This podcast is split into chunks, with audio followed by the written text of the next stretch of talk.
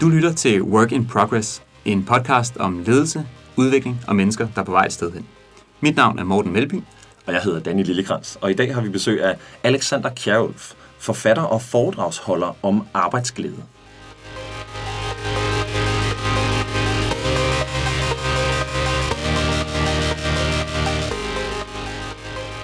Velkommen til, Alexander. Tusind tak. Du øh, arbejder med arbejdsglæde Ja. og har gjort det i de sidste 15 år, nævnte Ja. du lige for mig. Hvordan, vil du ikke øh, sætte rammen lidt for, hvordan er det, I arbejder, og hvordan er det, dit øh, firma og din hverdag ser ud? Jo da. Øh, vi er jo et stort verdensfirma med tre mennesker, tre med mennesker. hovedkvarter her i København. Ja. Og det vi gør, det er, at vi tager ud og holder foredrag, workshops, kurser og ledertræning om arbejdsglæde.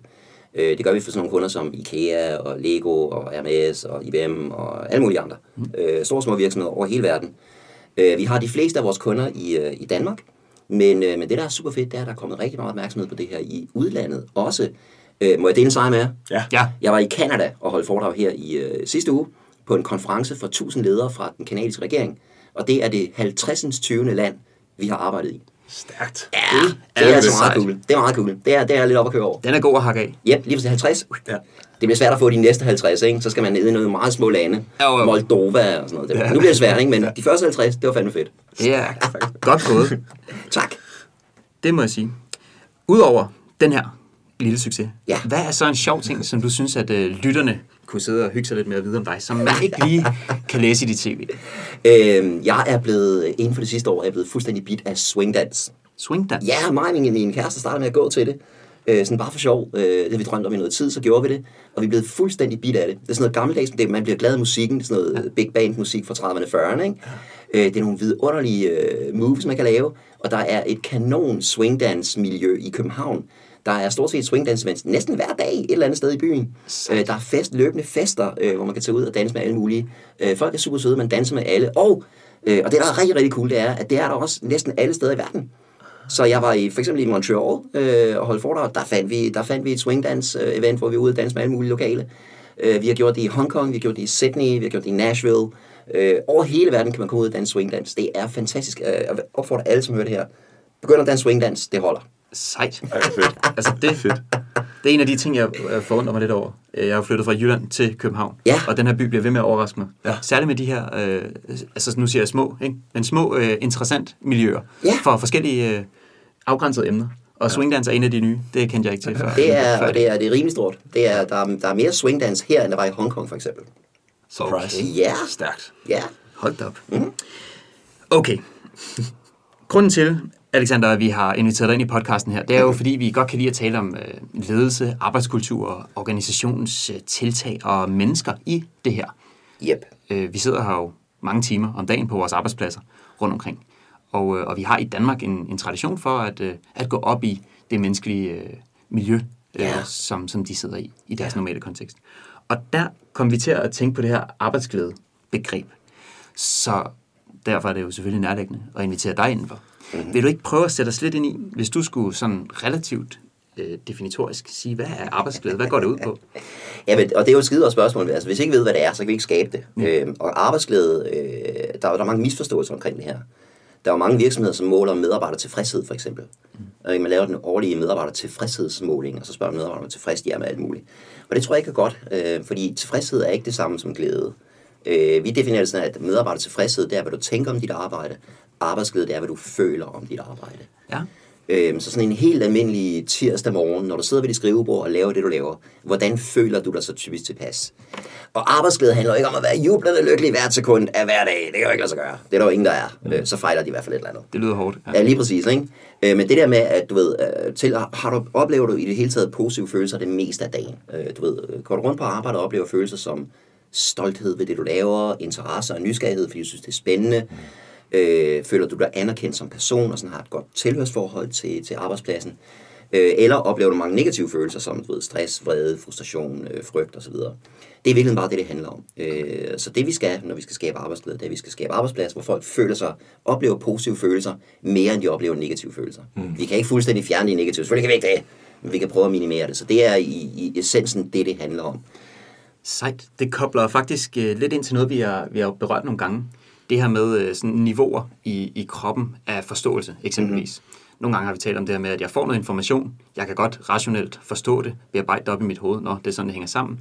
Men jeg kan måske ikke anvende det, eller føler det, eller ja. Står inden for det. Og det kunne jeg forestille mig. Der ser jeg lidt en kobling til det her, du nævner med tilfredshed. En eller anden kognitiv forståelse af mit arbejde, og så de her følelser, som ligger et andet sted øh, i vores krop. Præcis. Og den forståelse, som jeg synes mangler på mange danske arbejdspladser, det er jo, at følelserne er vanvittigt grundlæggende. Mm. Men det vi ved fra, fra forskningen på det her felt, det er jo, at vores følelser netop styrer, rigtig, rigtig styrer, ikke alt, men de styrer rigtig, rigtig meget. Mm. Vores følelser styrer vores beslutninger, de styrer vores kognitive ressourcer, øh, de styrer vores øh, menneskelige og mentale overskud, øh, de styrer vores evne til at relatere til andre mennesker. Øhm, og det vi i det hele taget ved, det er, at når vi oplever positive følelser, så klarer vi os bedre på alle de her områder. Mm. Øh, og når vi oplever negative følelser, så træffer vi dårligere beslutninger, så er vi dårligere til at relatere til andre mennesker, så har vi mindre menneskeligt og mentalt overskud. Øhm, og det er derfor, følelseslivet er så centralt. Øhm, og jeg er godt med, jeg er med på, at der er nogen, der tænker, at det er, det er blødt, og det er naivt, og det er... Ja, det Der var- sådan, der er nogen, der ligesom kritiserer det for at være sådan et happy-go-lucky. Skal vi så bare smile, og så alt godt? Der var, en eller anden, der var en eller anden, der var en eller anden, der skrev en frygtelig bog for to år siden, der hed øh, Vær professionel på arbejdet, lad følelserne blive hjemme. Mm. Ja, Hold kæft noget vrøvl. Øh, For det første, følelserne har du. De kommer med dig alle steder, hvor du går. Og for det andet, vi er nødt til at anerkende, at de, at de har den her indflydelse. Øh, ikke at anerkende det, det er idiotisk. Øh, det, er sådan, det, er, det er at ignorere al den forskning, der findes på det her felt. Ja. Øhm, så, så det er den grundlæggende øh, præmis her, det er, at det handler om, hvad folk føler om deres arbejde. Mm. Øh, og det, der ligger i arbejdsglæde, det tror jeg, at vi, vi alle, alle vi danskere godt ved. Igen, det handler ikke om at være jublende lykkelig hver dag. Øh, der vil være dårlige dage på arbejde. Det har vi alle sammen. Det har jeg også. Det har I også. Mm. Det Øh, men det der med, at man kommer hjem de fleste dage og tænker, hvor det her, det har sgu været en god dag. Ja. Og har lidt lyst til at komme igen dagen efter. Det er i virkeligheden bare det. Det er... Det lyder jo simpelt, og alligevel så tænker jeg, at der er nogle, øh, der er nogle finder ved det her. Det første, jeg lige øh, sådan bliver interesseret og nysgerrig omkring, det er, at på et tidspunkt, så hørte jeg, jeg hører en masse ting, mm. og så prøver jeg at finde nogle eksperter, der kan hjælpe mig med at sige, om det er sandt eller om det er falsk, det jeg hører. Men jeg hørte, at øh, det her med arbejdsglæde er et sådan øh, dansk eller skandinavisk Ja. begreb. Ja. Øhm, er det korrekt? Det er fuldstændig rigtigt. Øhm, på dansk hedder det arbejdsglæde, på svensk hedder det arbejdsglædje, på norsk hedder det arbejdsglæde, og på finsk hedder det. Dyrølo. dyrølo. Og så findes det over ikke på andre sprog i hele verden. Øh, præcis. Øh, i, I hvert fald ikke som, som, som en udbredt del af sproget, og, og, og noget folk snakker om. Øh, og, og det skal man måske ikke lægge for meget i, men, men, men mere end det, at, at vi har et ord for det, og sådan en fælles forståelse om det i Danmark, så er det jo også noget i Danmark, noget vi forventer. Ja. Øh, danske medarbejdere har en forventning om, at det skal være godt at gå på arbejde. Øhm, og hvis ikke vi har det, så er der noget galt. Hvis man ikke kan lide sit arbejde, så er det et problem. Øh, hvorimod i, det meste af resten af verden, er det næsten mere normalt at have sit arbejde. Ja. Mm. Ikke? Øh, jeg var i New York og holdt foredrag, øh, og der var en ung mand, der sagde, uh, well, of course I hate my job. That's why I get paid. Ja, ja, ja. Er det er det ikke? Jo, det Er er det den helt eneste absurd for transaktion, os? der er i det. Altså, Ja. det er det, der, der er fedt, og den forståelse, at den eneste transaktion er, at hvis du kan udholde det her, så får du en sum penge hver måned, og det er det, vores aftale går ud på. Ved I, hvad øh, er sådan noget løn og bonus pensionsordninger? Ved I, hvad det hedder på engelsk? Er det sådan en fælles begreb for det? Compensation. Ja, Mm. Vi kompenserer dig Ja. for det, vi tager fra dig. Den tid og den energi og det, den glæde, vi, vi stjæler fra dig. Ja. Nu skal du kompenseres for det. Ikke? Det er utroligt, Ja, ja, det er når man sjovt. øh, sætter det op på den måde. Hvad er jeres vigtigste agenda? Lad os sige, I er gået til en organisation, der har købt ind på tesen, og som forståelsesmæssigt op i hovedet godt kan se, at det vil være en god idé at investere i vores arbejdsglæde. Hvad er, øh, hvad er din eller jeres agenda så, Alexander? Vi prøver, vi prøver i alt, hvad vi laver, prøver vi at give øh, vores kunder tre ting. Ja. Øh, den første, det er noget viden. Fordi man, man skal forstå nogle af de her ting. Øhm, og der er nogle misforståelser derude. Ikke? Altså, den første misforståelse, det er jo... Øh, rigtig mange danske arbejdspladser har øh, sat gang i det her arbejde. De sætter sig ned og siger, hvad kan vi gøre for at skabe noget arbejdsglæde? Og det første svar, det er altid, vi skal have en frugtordning. Ja. Altid. Det, jeg ved ikke hvorfor, det er bare der, det starter. Ja. Øhm, og det er sådan lidt, øh, er det, er det virkelig der arbejdsglæden ligger? Ikke? Hvor mange danskere kommer til at gå hjem fra jobbet i dag og sige, kæft hvor har det været en fed dag, jeg fik et æble. Ja. Det er der jo ingen, der gør. Det var en vildt fed pære. Jeg ved, hvor kæft, det smagte godt, ikke? Ja. Eller nej, en lortedag, den her pære var blød, eller et eller andet. Så det er jo ikke, altså hold nu op, ikke? Men det, det er desværre der, mange starter. Det er samme kategori som bordfodboldbordet og... Bordfodbold og dartskiven, og der skal være en massageordning, vi skal også have et fitnessrum. øh, Og de, alle de her ting er kendetegnet ved, at de er ret dyre, og at de ikke virker. Altså forskningen er meget, meget klar på det her felt. Ja. Det er ikke der, arbejdsglæden ligger. Så det er vores, vores første agenda, med, med, og det skulle både, når vi arbejder med medarbejdere og ledere og HR og større grupper og sådan. Det er, man skal have den her forståelse. Hvad er arbejdsglæde? Det handler om følelser. Hvad er det, der giver arbejdsglæde? Det er ikke alle de her frugtordninger og sådan noget. Det er spild af tid og penge. Øhm, så det er ligesom den første agenda. Ja. Øh, Den anden agenda, det er øh, redskaber. Fordi viden i sig selv forandrer ikke adfærd. Det ved vi, det ved vi godt. Ikke? Øh, Det er derfor, der stadigvæk er folk, der ryger. Det er sgu ikke, fordi de ikke ved, at det er øh, usundt at ryge. Det ved de udmærket godt. Men viden i sig selv forandrer ikke adfærd. Så folk skal have nogle redskaber. Så, så meget af det her, øh, meget af vores arbejde handler om at sige, hvad kan man gøre? Hvad kan jeg gøre som helt almindelig medarbejder på en arbejdsplads? Hvad kan jeg gøre som leder? Hvad kan jeg gøre som administrerende direktør? Redskaber, konkrete redskaber. Mm. Og den tredje ting, det er, det er, at folk skal helst have lyst til det. Ja. Øh, det er super vigtigt, at man ikke bilder folk ind, at det er let, for det er ikke let det her. Men de skal have, øh, de skal have den her, komme ud af, af vores arbejde med en fornemmelse af, at det her, det, det kan vi godt, og det bliver faktisk rigtig, rigtig fedt. Ja. Øhm, og, og vi har et sted, vi kan starte, og nogle ting, vi kan gøre. Så, så i alt, hvad vi laver, så er det det, vi prøver at give folk. Så motivationen for ligesom at komme i gang med de redskaber. Ja, og den tror jeg i meget høj grad i, i vores optik kommer fra positive eksempler og positive historier. Mm. Fordi vi kunne jo sagtens stå, når vi holder foredrag, og sådan noget, stå og male alle de negative eksempler. Her er en frygtelig leder, her er en elendig arbejdsplads, her er en, en dårlig kultur. Mm. Men det, det fastholder jo bare folk i fornemmelsen af, at, at arbejdet er skidt, og det bliver aldrig bedre. Så vores, øh, så vores arbejde er meget fokuseret på det positive, positive mm. eksempler. Mm. Her er en superdygtig leder, her er en rigtig glad arbejdsplads. Øh, det viser jo, det kan lade sig gøre, og det ja. viser, hvordan det kan gøres. Det er også det, ikke? Også, de skal have de der eksempler på, at redskaberne har virket. Ja. Altså en af de ting, jeg sådan meget øh, tydeligt kan mærke i mit liv, det er et redskab som taknemmelighed, som Ja. er en af de nemmeste veje til mere optimisme i sit liv, som altså, vi ved bare, at det virker. Og der er konkret forskning, Ja, øh, hvor man har testet det her, og fået folk til at gøre det, øh, øve sig, du ved, hver dag skrive tre gode ting ned, ja. Ja. og tre ting, du har været taknemmelig for. Øh, og det virker. Det virker. Det har det er en målbar effekt på folks glæde. For eksempel, hvis man har øh, mennesker, som er mildt deprimeret, ja. Så mindsker det deres depression. Ja. Det er sgu da fantastisk. Det er Noget så fantastisk, enkelt som at sidde og være taknemmelig for de gode ting i dit liv. ja. Ja, netop. Altså, nogle af de her ting, som vi grubler over, og med den medicinske verden og den øh, videnskabelige behandling øh, grubler over, hvordan kan vi øh, komme depression og andre ting til livs. Ja. Nogle gange øh, kan det godt være, at man skal kigge på nogle lidt mere mm, psykiske værktøjer, kan man sige, og nogle mentale tilgang øh, til de her ting. Det er i hvert fald øh, min egen holdning, og så kan det godt være, at jeg bliver slået ned for Jamen, jeg tror, det, det er vigtigt at sige det der med, at det virker, altså, det virker på mild depression. Ja, det er sådan, mild det, depression. Det, det virker ja, ja, ja. på mild ikke, depression. Ikke svære depressioner og, øh, og hvad sådan noget, selvmordstanker og sådan noget. Nej. Der er man et andet sted hen, der skal man søge noget behandling og få noget medicin for det. Ja. Helt sikkert. Men, Men det det er der, den er mild depression. De, de der positive historier om redskaberne, der virker, det gør en stor, stor forskel. Det, Det, jeg og det er langt bedre ud. Altså, vi kunne jo sagtens komme ud på danske arbejdspladser og sige, nu skal vi sprede noget arbejdsglæde. Lad mig fortælle jer om 100 dårlige arbejdspladser. Ja. Men jeg tror ikke, det virker særlig godt. Det tror jeg altså ikke. Det er lidt ligesom, når vi snakker faktisk om, øh, Morten, når, når vi siger, hvordan vil vi gerne have folk til at øh, arbejde med feedback, der handler det også om at vise, hvordan succes ser ud. Altså Mhm. den, den negative feedback kan jo noget, fordi folk husker den meget tydeligere. Det ved vi også fra forskningen, at negative følelser bliver husket meget længere tid. Præcis. Øh, så negativ feedback sætter sig fast. Problemet er bare, at vi ikke får lyst til at arbejde med feedback igen den næste måned eller det næste år, fordi det gjorde ondt inde i, i kroppen. Og, og derfor så de positive, den positive feedback er interessant, fordi den peger på, hvordan ser succes ud. Det er det her, jeg godt vil se mere af. De positive eksempler fortæller os, hvor vi skal hen. Ja. Og de negative eksempler fortæller os, hvad vi vil væk fra. Ja. Øhm, og det er, det er derfor, det negative ikke kan stå alene. Fordi nu skal du væk fra her, men det, du kan springe i alle mulige retninger. Det jeg så? fortæller bare, at du skal væk. Det fortæller ikke, hvor du skal hen. Mm. Øhm, det giver dig ingen retning. Det giver dig kun energi. Ja. Øhm, og, det, og det er ikke nok i sig selv. Jeg tænker også, en, en ting, jeg er ret inspireret af for tiden, det er at, at fortælle de her øh, historier på en måde, så det enkelte menneske kan relatere til dem. Ja. Fordi den her øh, for the greater good motivation, som er, at du skal leve sådan her, sådan her, fordi det er godt for miljøet, eller mm-hmm. du skal gøre det her, det her, fordi det vil jo samlet set, hvis alle gjorde det, skabe en god kultur.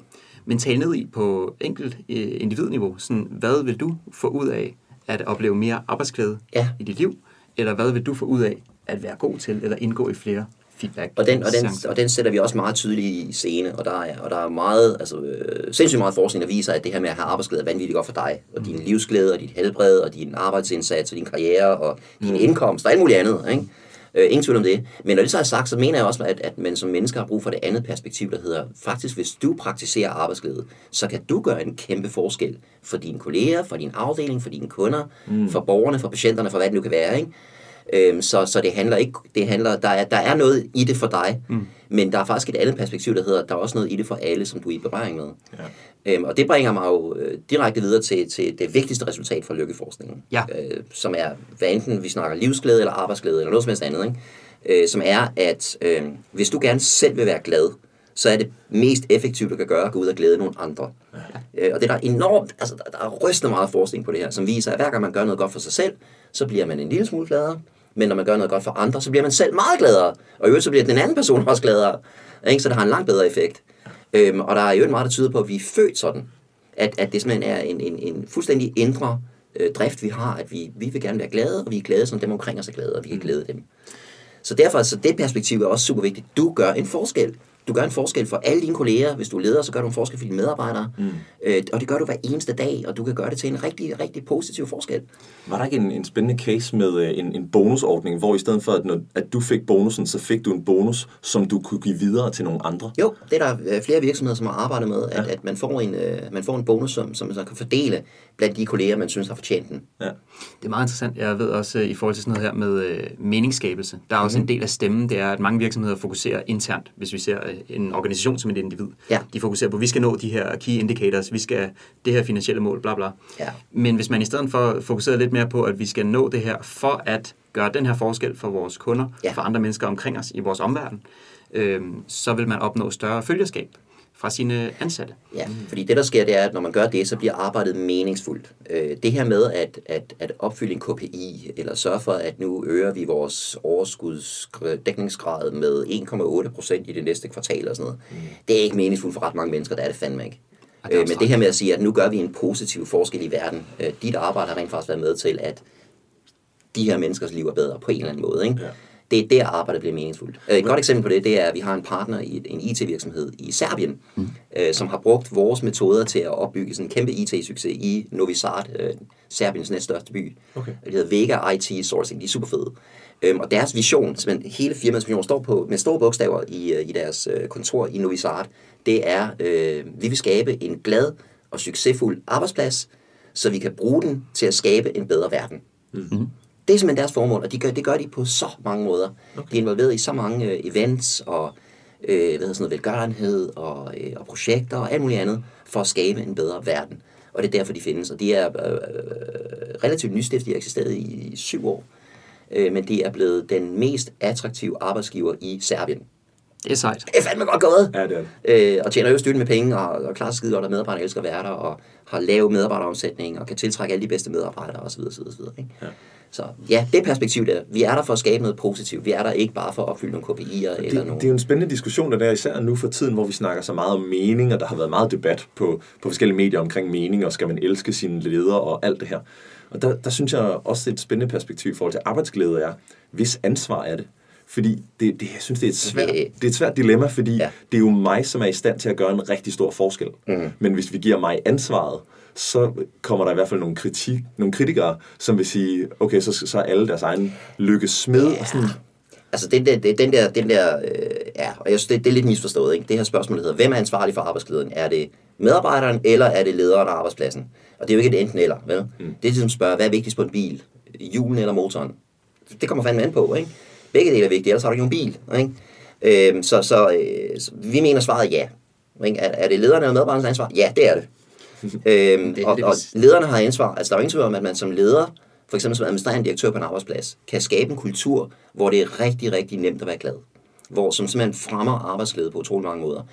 Eller man kan som administrerende direktør skabe en kultur, hvor det er næsten umuligt at være glad. Man kan skabe en kultur, som i den grad fremmer stress, frygt, frustration, vrede mm. øh, osv. Ikke? Øh, Ilse Jacobsen. Ja, Ja. ja. Ikke? Gummistøvledronningen. Ikke? Ja.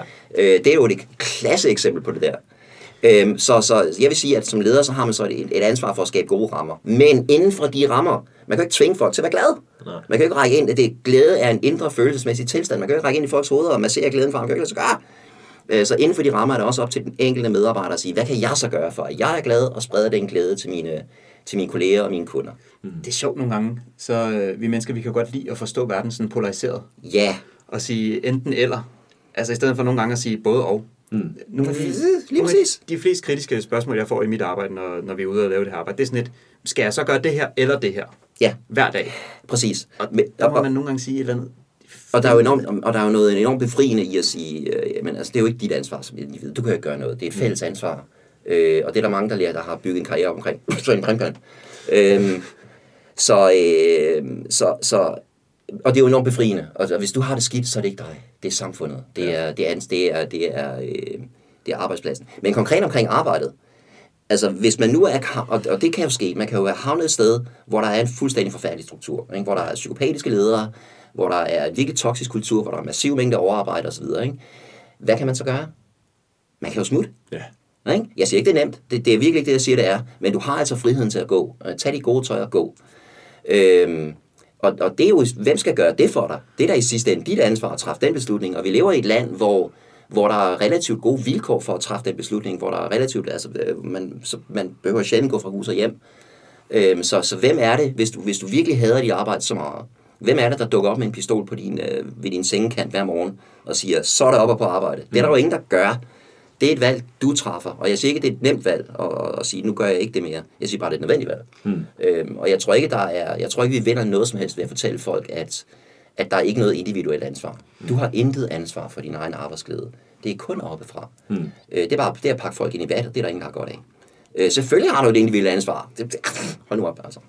Jeg snakkede med en, øh, en mand, jeg arbejder sammen med en gang imellem, og han sagde, at han havde levet det meste af sit liv, sådan at han øh, byggede sin økonomi op, så han kunne leve på en understøttelse. Ja. I øh, nogenlunde i hvert fald. Det, og det er jo igen et personligt valg, ikke? Og han sagde netop, at øh, det har ikke noget at gøre med, at jeg ikke øh, kan lide øh, penge eller ting eller noget som helst. Det er bare fordi, jeg kunne nødigt tænke mig at sidde i den situation, at jeg af økonomiske årsager var tvunget til at møde op i et bestemt dårligt miljø hver dag. Så han sagde, at det gav ham en grundlæggende frihed til at øh, kunne vælge hver dag, om han er glad for at være der. Det Det sådan, har, sådan har jeg også levet. Altså, når det så er sagt, så har lederne selvfølgelig også et ansvar. Og der er ingen tvivl om, at lederne har et større ansvar. Hvad var det, de sagde i Spider-Man-filmen?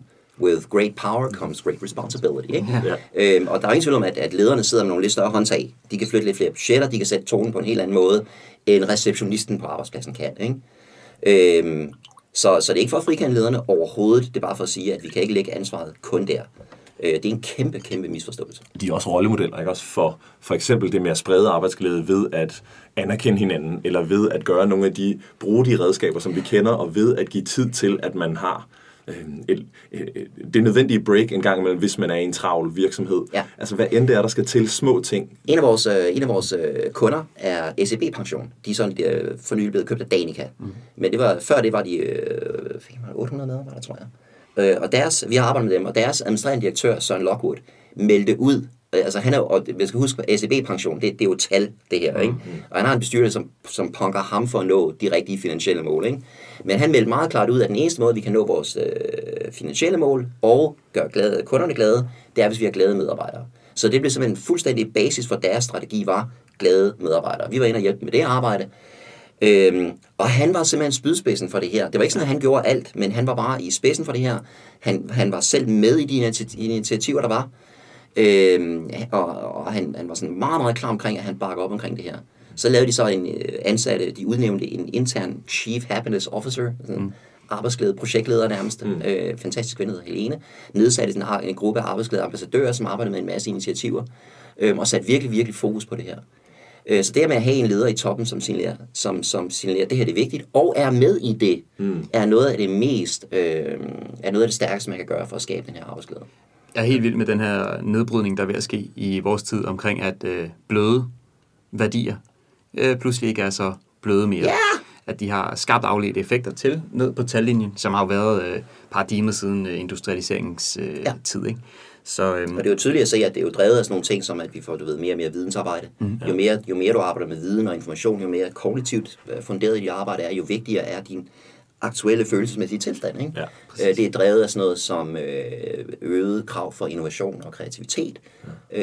Det, ved vi fra, det ved vi fra forskning, at når man oplever positive følelser, så er ens sind mere åbent, ja. så kan man bedre få nye idéer. Ja. Øh, og så er det i meget høj grad lige nu drevet af de der irriterende unge medarbejdere, der skal ud på arbejdspladsen. Jeg var i, øh, jeg var i Italien og lavede noget for et, et af de store amerikanske konsulenthuse. Øh, et navn, jeg må ikke nævne, jeg kan nævne, som vi alle sammen kender. Og de kunne simpelthen ikke holde på deres nye medarbejdere. Fordi de havde den her kultur med massivt overarbejde, og det er lige meget, hvordan du har det og sådan noget. Ikke? Øh, Du skal bare nå dine mål. Øh, Så, så de, kunne godt, de kunne godt i en vis grad tiltrække de unge medarbejdere, fordi alle kendte navnet. Men de smuttede lynhurtigt igen, mm. fordi de ikke kunne lide at være der. Øh, Så, øh, så, øh, så de unge medarbejdere i dag kræver jo altså meningsfuldt arbejde og arbejdsglæde og rimelige arbejdstider og sådan noget. Ikke? Og mange arbejdspladser er sådan, hold kæft, hvor er de forkælet. Og jeg tænker bare, nej, de er ikke. Det er da fuldstændig normalt. Hvad er der i, gang- hvad er der i vejen med alle de gamle næser på arbejdspladsen, at de ikke kræver de samme ting? ja, mm. hvorfor sidder de og ser sådan der ud i hovedet? Præcis. Nu kommer der et øh, lidt polariserende spørgsmål. Sådan, det er de kom med bedste, det, det er de bedste spørgsmål. Okay, Alexander. Hvad kommer først? Arbejdsglæde eller produktivitet? Øh, og det er jo igen et af de der enten eller spørgsmål, Ja. ikke? Ja. Totalt irriterende. Øh, altså jeg mener jo, at man skal sætte glæden først. Ja. Jeg mener helt sikkert, at man skal sætte glæden først. Øhm, fordi når man gør det, så kommer produktiviteten. Ja. Hvis du sætter produktiviteten og bundlinjen først, så ender man meget, meget ofte med at gøre ting, som skader øh, arbejdsglæden, og dermed i sidste ende skader produktiviteten, fordi vi ved, at glade mennesker skaber øh, arbejder dygtigere og arbejder bedre. Mm. Øh, men, men, men det er jo ikke for at sige, at, at, vi ikke, at vi ikke vil tjene penge. Det er ikke for at sige, at vi ikke vil gerne være produktive. Vi ved bare, at den bedste måde at være produktiv på, er at sætte arbejdsglæden først. Mm. Et godt eksempel på det er øh, Southwest Airlines i USA, som er det eneste store flyselskab i verden, som har haft overskud hvert år i øh, 50 år. Altså i en benhård industri, ikke, hvor andre selskaber taber milliarder, SAS for eksempel, ikke, ja. så er de overskud hvert eneste år. Og deres prioritering, når man spørger dem, hvordan fanden kan det være, ja. så melder deres topledelse meget klart ud, det er fordi, vi sætter medarbejderne først. Første strategiske prioritet i Southwest Airlines er, at medarbejderne er glade. Når medarbejderne, fordi så siger de, når medarbejderne er glade, så gør de et godt stykke arbejde, så bliver kunderne glade. De kommer på anden pladsen, ikke førstepladsen. Ikke kunderne først, eller kunden er altid ret. Kunderne kommer som nummer to. Ja. Øh, når kunderne er glade, så kommer de igen. Øh, så flyver de Southwest Airlines igen, også selvom man kunne have fløjet du ved, Continental 20 dollars billigere på den samme rute. Ikke? De flyver Southwest Airlines alligevel, så tjener vi flere penge, og så er bundlinjen, så er investorerne glade. Og jeg vil, gerne, jeg vil meget, meget gerne klart sige, at det er ikke fordi, de ikke vil tjene penge. Det er ikke fordi, de vil gerne tjene så mange penge, de overhovedet kan. De ved bare, at hvis man sætter bundlinjen først, så tjener man færre penge. Mm. Ja, præcis. Altså, det er jo lige præcis, at det går op for dem, det her. Det er jo ikke noget med at sige, at vi vil øh, politisk eller brandwise øh, øh, positionere os på en eller anden måde. Nej, det er- det er jo det- fordi, de har fundet ud af, at det hænger sådan sammen. Det er noget, de lever efter. Øh, Så et godt eksempel på det her, det var, øh, de har, i, i 50 år, der har de haft et kvartal med underskud. Og det var det kvartal, hvor 9-11 lå. Ja. Øhm, og det, der jo skete, det var, at i USA var et kæmpe chok til, til, til flybranchen, ikke? Ja. og folk holdt op med at flyve. Øh, og alle de andre store flyselskaber i USA, de reagerede med det samme med massefyringer. Øh, fyrede 10, 15, op til 20 procent af medarbejderne i nogle af de her flyselskaber. Southwest Airlines fyrede ingen. Ikke en eneste person. Øh, og deres, øh, deres administrerende direktør, øh, Gary Kelly, var ude på det tidspunkt i- at sige i medierne, at vi ved godt, det kommer til at koste penge. Vi er villige til at tage den udgift for at bevare vores medarbejderes gode jobs. Det her, man viser, at man mener det er alvorligt. Mm. Øhm, og, det, der, øh, og det, der så skete, det var jo, at, øh, at øh, Southwest Airlines var det flyselskab, som hurtigst kom over krisen igen. Allerede næste kvartal havde de overskud. Øhm, og det, der selvfølgelig især skete, var, at det gav et, et, et, et massivt boost til arbejdsglæden og loyaliteten blandt Southwest medarbejdere, fordi de viste her, det her det er ikke bare noget, vi siger, det her det er noget, vi mener alvorligt. Mm. Det er det, der er fedt ved de der krisesituationer. Ikke? Ja. Det er det, der virkelig tester Det her, man viser... Øh, identiteterne og, præcis. og værdierne. Som, øh, som øh, John Stewart sagde efter 9-11. Ja. Han sagde, at det er i hårde tider, at man viser, om man virkelig tror på sine principper, om de er principper, eller om det bare er hobbies. Det er en, den kan jeg godt lide. Den. Ja, den er Principper eller hobbies. Jeg har en ting, jeg har tænkt over. Ja. Altså, jeg tænker over flere ting om dagen, men det er det en af dem.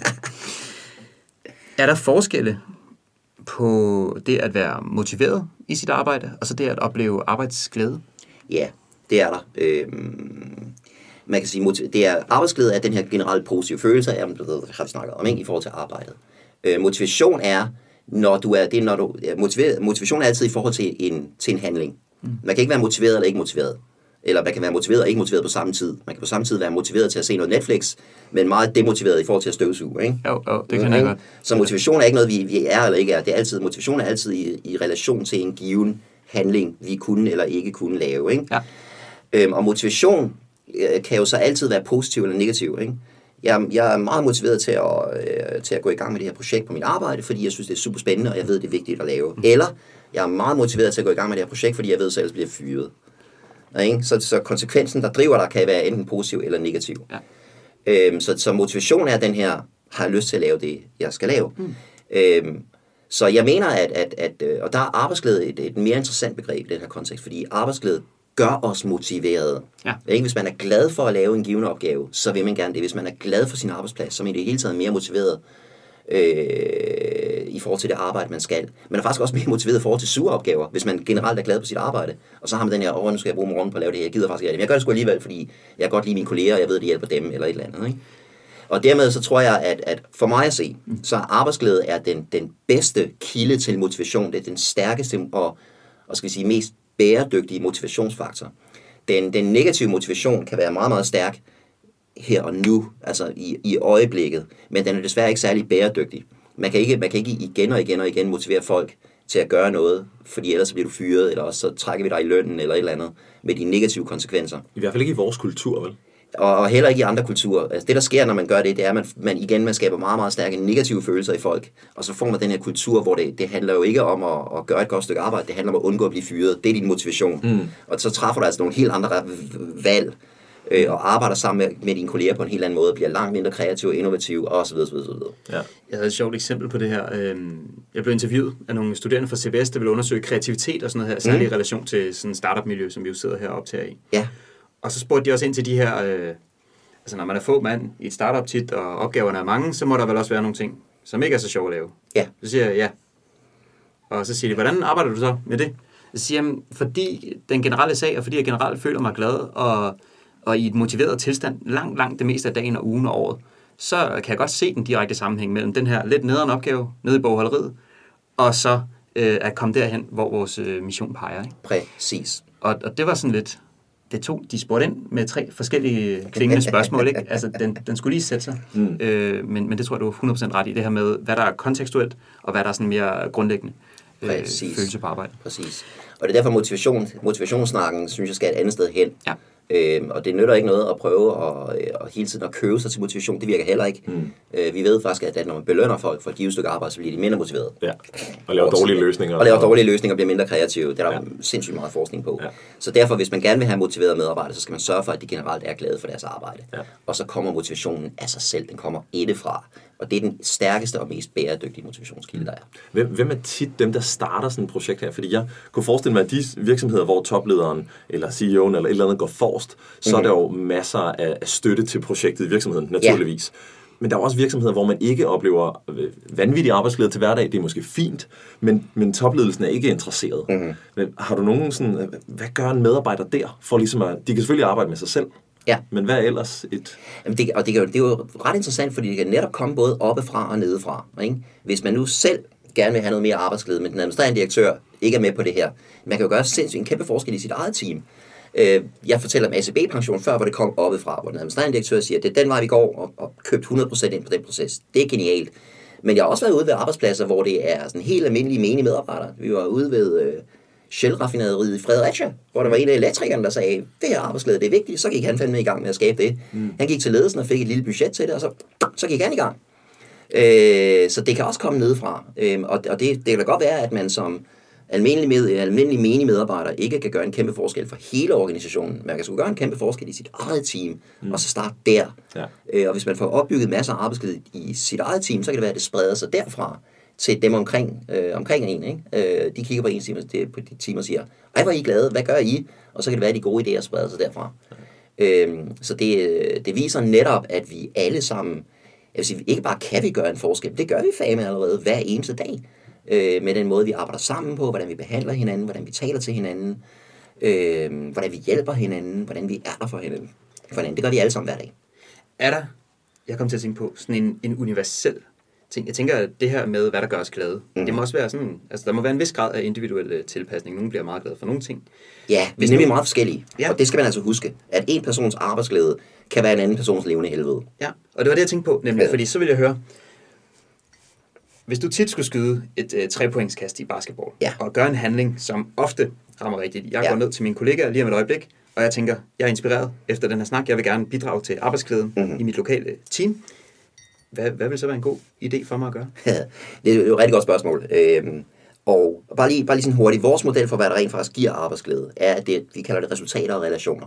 Mm. Resultater, det er, når du synes, du er god til at lave, og dit arbejde giver mening.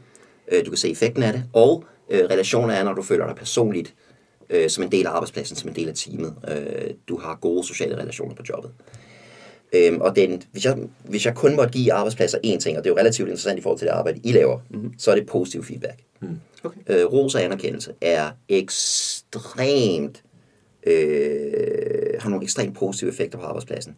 Der var konkret en undersøgelse fra Harvard øh, Business School, hvor de havde taget folk ind i psykologilaboratoriet og givet dem sådan kreative tests, og de skulle performe under pres og sådan noget. Øhm, og så kigger man, og så havde halvdelen af forsøgspersonerne så lige inden fået, fået noget meningsfuldt, god, positiv feedback om deres person fra nogen, som kendte dem godt. Øh, og den anden halvdel havde ikke. Og så kigger man på, hvordan de her mennesker performer. Og det de fandt, det var, at de mennesker, der så øh, havde fået ros, var mere kreative i processen.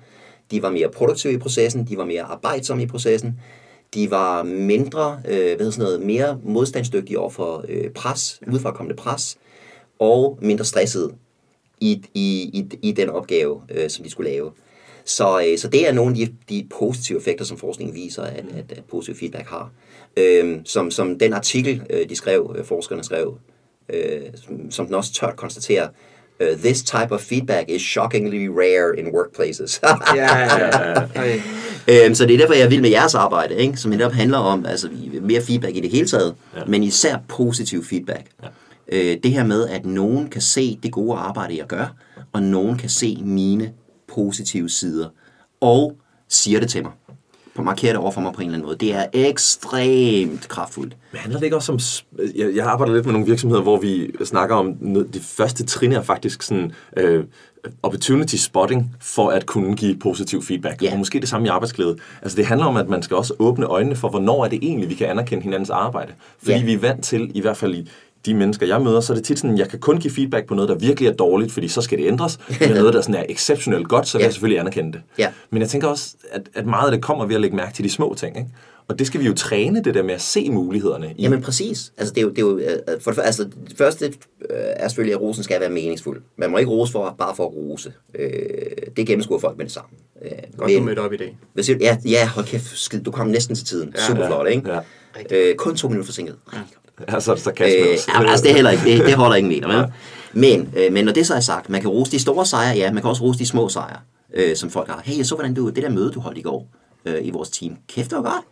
Knivskarp dagsorden, det var også super hyggeligt, vi træffede nogle gode beslutninger. Godt arbejde. Mm-hmm. Øh, men når det så er sagt, så, altså man kan rose det, folk gør, men man kan også rose deres personlige egenskaber. Altså hvis du ikke lige har fanget øh, Henrik i at gøre noget godt i dag, så kan du stadigvæk gå op til Henrik og sige, Henrik, jeg synes bare, du skal vide, jeg synes, du er fantastisk. Jeg, jeg, jeg nyder at arbejde sammen med dig. Du er altid, simpelthen altid så hjælpsom. Jeg synes, hver gang, hver gang jeg kommer til dig og har et spørgsmål, så er du sgu villig til at lægge dit eget arbejde til siden og lige bruge 10 minutter på at hjælpe mig. Mm. At du skal bare vide, at det gør en kæmpe forskel for mig. Det er virkelig noget, der gør min arbejdsdag bedre. Præcis. Det er ikke noget konkret, Henrik har gjort lige nu, men det er en, en konkret ting ved Henrik, som du har set, Ja. Og som påvirker dig. og, Det er så, også og, og, at- præcis, og det er jo det, der bliver meningsfuldt, når jeg siger, og her er den positive forskel, det gør for mig, eller for vores team, eller for vores kunder, eller hvad det nu kan være. Ja. Ikke? Og en anden ting, man kan rose, øh, for uden det, det er, at man kan også rose indsatsen. Altså, det kan godt være, at Henrik ikke lige øh, fik det der salg, vi har arbejdet på i seks måneder, men måske var det bare ikke hans fejl, og man kan sige, Henrik, skal bare vide, at jeg, den måde, du har arbejdet på det her projekt, er genialt. Mm. Øh, du har arbejdet du ved, fokuseret, målrettet, kreativt, øh, effektivt på det her, øh, og det kan, jeg- det kan jeg virkelig godt beundre. Øhm, så, så, øh, så man er ikke, det, det der med at vente til folk har gjort noget helt exceptionelt, fuldstændig uhørt, aldrig set før, og så kan vi rose dem. Ja. Det, det er, sådan skal det slet ikke være. Præcis, der er kæmpe forskel på resultat og indsats. Ja. Altså, mange gange, øh, det er der også nogle mennesker, der siger det her med, altså du er jo ikke herre over, hvad der sker inde i hovedet på den anden part, du Nej. sidder overfor, og hvad deres kontekst er og liv lige nu. Øh, Så det, at du ikke får solgt, gør ikke nødvendigvis, at øh, er ikke relateret til, at du ikke holdt dig til dit script, eller sagde de rigtige ting, eller bed på købsignalerne, eller øh, salgssignalerne, eller hvad det nu er. Præcis. Så ros indsatsen, hvis den var god, så kan resultatet være derefter. Eller så viser det sig jo, at hvis man laver gode indsatser, så får man over tid også flere gode resultater. Yes. Mm. Og, tilbage til, og tilbage til resultater og relationer, som, som vi mener er de, de to ting, der giver os arbejdsglæde, øh, når man kigger på forskningen. Øh, det er jo netop det, der stærke ved positiv feedback. Ikke? Det, er, at det viser, at du skaber resultater. Det viser, at du gør en forskel, der er brug for dig. Mm. Øh, og det skaber også relationer. Fordi det viser, at nogen ser det positive i mig. Der er noget vanvittigt spændende forskning fra, øh, fra psykologi og sociologi omkring det her med, øh, med øh, identitet. Der er blandt andet en tysk øh, sociolog, som hedder Axel... Ah, oh, det nu jeg glemmer, hvad han hedder. Det kommer til mig lige om lidt. Men han har i hvert fald forsket i, øh, i, øh, i det her med identitet, og det her med, som han kalder recognition, genkendelse. Og det han siger, det er, at det er umuligt at op, op, opbygge gode relationer til andre mennesker, og umuligt at opbevare en, en stærk identitetsfølelse selv, hvis der aldrig er nogen, der ser dig, eller hvis folk kun ser det negative i dig. Øhm, og det, det, er, øh, det er sådan en stærk pointe. Mm. Øh, så det her med, at jeg bliver set, og, og folk omkring mig ser mine stærke sider, det positive, jeg gør, det positive, jeg har i mig, det er enormt vigtigt for os. Øhm, og vanvittigt vigtigt for, at vi kan bevare vores identitet og vores plads i gruppen. Præcis. Og, og, og, det er bare, og det er bare, og det er, vi lavede en undersøgelse i øh, 2015 af de største arbejdsglædedræbere i Danmark. Øh, og næst største arbejdsglædedræber i Danmark er manglende ros og anerkendelse for det arbejde, jeg laver. Ja. Øh, vi er rystende dårlige til det. Det gælder jo i hele verden. Øh, rystende ja. dårlige til at give ros og anerkendelse. Det er skræmmende. Ja. Det er simpelthen uhyggeligt. Og øh, Danny, Ja, ja, altså jeg føler sagtens, jeg kunne tale øh, videre om det her en halv time endnu. absolut. Men vi skal til at runde af, Ja, for at være lidt tro mod vores øh, koncept. Og gentagende adfærd opbygger identitet, kan man sige. ja. Så hvad har du lagt mærke til i dag ved episoden? Jeg synes, det var et fedt sted, vi sluttede øh, for det første, fordi det var sådan et meget enkelt tip til, hvad er det, vi skal have mere af for at få, for at få arbejdsglæde derude. Ja. Det synes jeg var et dejligt sted at slutte. Øh, jeg kunne rigtig godt lide at, at have fokus på, eller blive helt, helt skarpe på, at arbejdsglæde handler om følelser, Yep. og, og ikke øh, hvad vi gør, og hvordan rammerne er, men det handler om, hvilken følelse har jeg i hverdagen. Det synes jeg var fedt. Og så øh, det her med at fokus på, at der er tre ting, der skal til, når vi skal ændre noget. Vi har brug for at forstå det, der skal noget viden til. Vi ved også, at perks ikke virker, bordfodboldbåd virker ikke, fordi det handler om følelser. Og så de konkrete redskaber, hvad er det, jeg skal gøre i morgen? Og det var det, vi sluttede på her til sidst med, øh, anerkend din kollega, anerkend øh, dig selv, anerkend i, især gør noget for andre, fik vi snakket om. Og så skal vi have skabt en eller anden form for motivation til det, ved også måske at, at have nogle rollemodeller i virksomheden, som fortæller om, hvordan det lykkes for dem, så kan vi være med til at sprede det. Og til sidst kunne jeg rigtig godt lide, at det negative giver energi, fordi det ved vi jo, det gør. Ja. Men det positive giver retning. Ja. Det synes jeg også var, var et rigtig, rigtig vigtigt uh, tip, vi fik med der. Noget Og hvis det, jeg, må, hvis jeg må give jer noget ja. positiv feedback. Det må du. Ja, Sådan. så synes jeg, det har været nogle rigtig gode spørgsmål. Tak. Øh, jeg synes, der har været øh, kanon energi. Øhm, og så synes jeg, at øh, I, I er virkelig gode til at lytte. Øh, I, hører, I hører jo tydeligvis, hvad der bliver sagt, og tager den videre derfra. Øh, hvor der er andre interviews, man laver, hvor de, du ved, de, de hakker bare det næste spørgsmål, og det næste spørgsmål hakker de af. Ikke? Øh, så det har været en super cool samtale. det er vi rigtig glade for, at du har oplevet. For mig, der tror jeg, jeg har det her meget billedlige øh, indre. Og jeg kunne godt lide den her lille snak, vi havde om forskellen med motivation og øh, arbejdsglæde. Altså motivationen er relateret til en opgave, Altid. øh, og arbejdsglæden er de her generelle følelser mm. øh, på arbejdspladsen. Det, det gav et tydeligt øh, retning til mig. Så Tak for i dag. Selv for tak. det, Anton.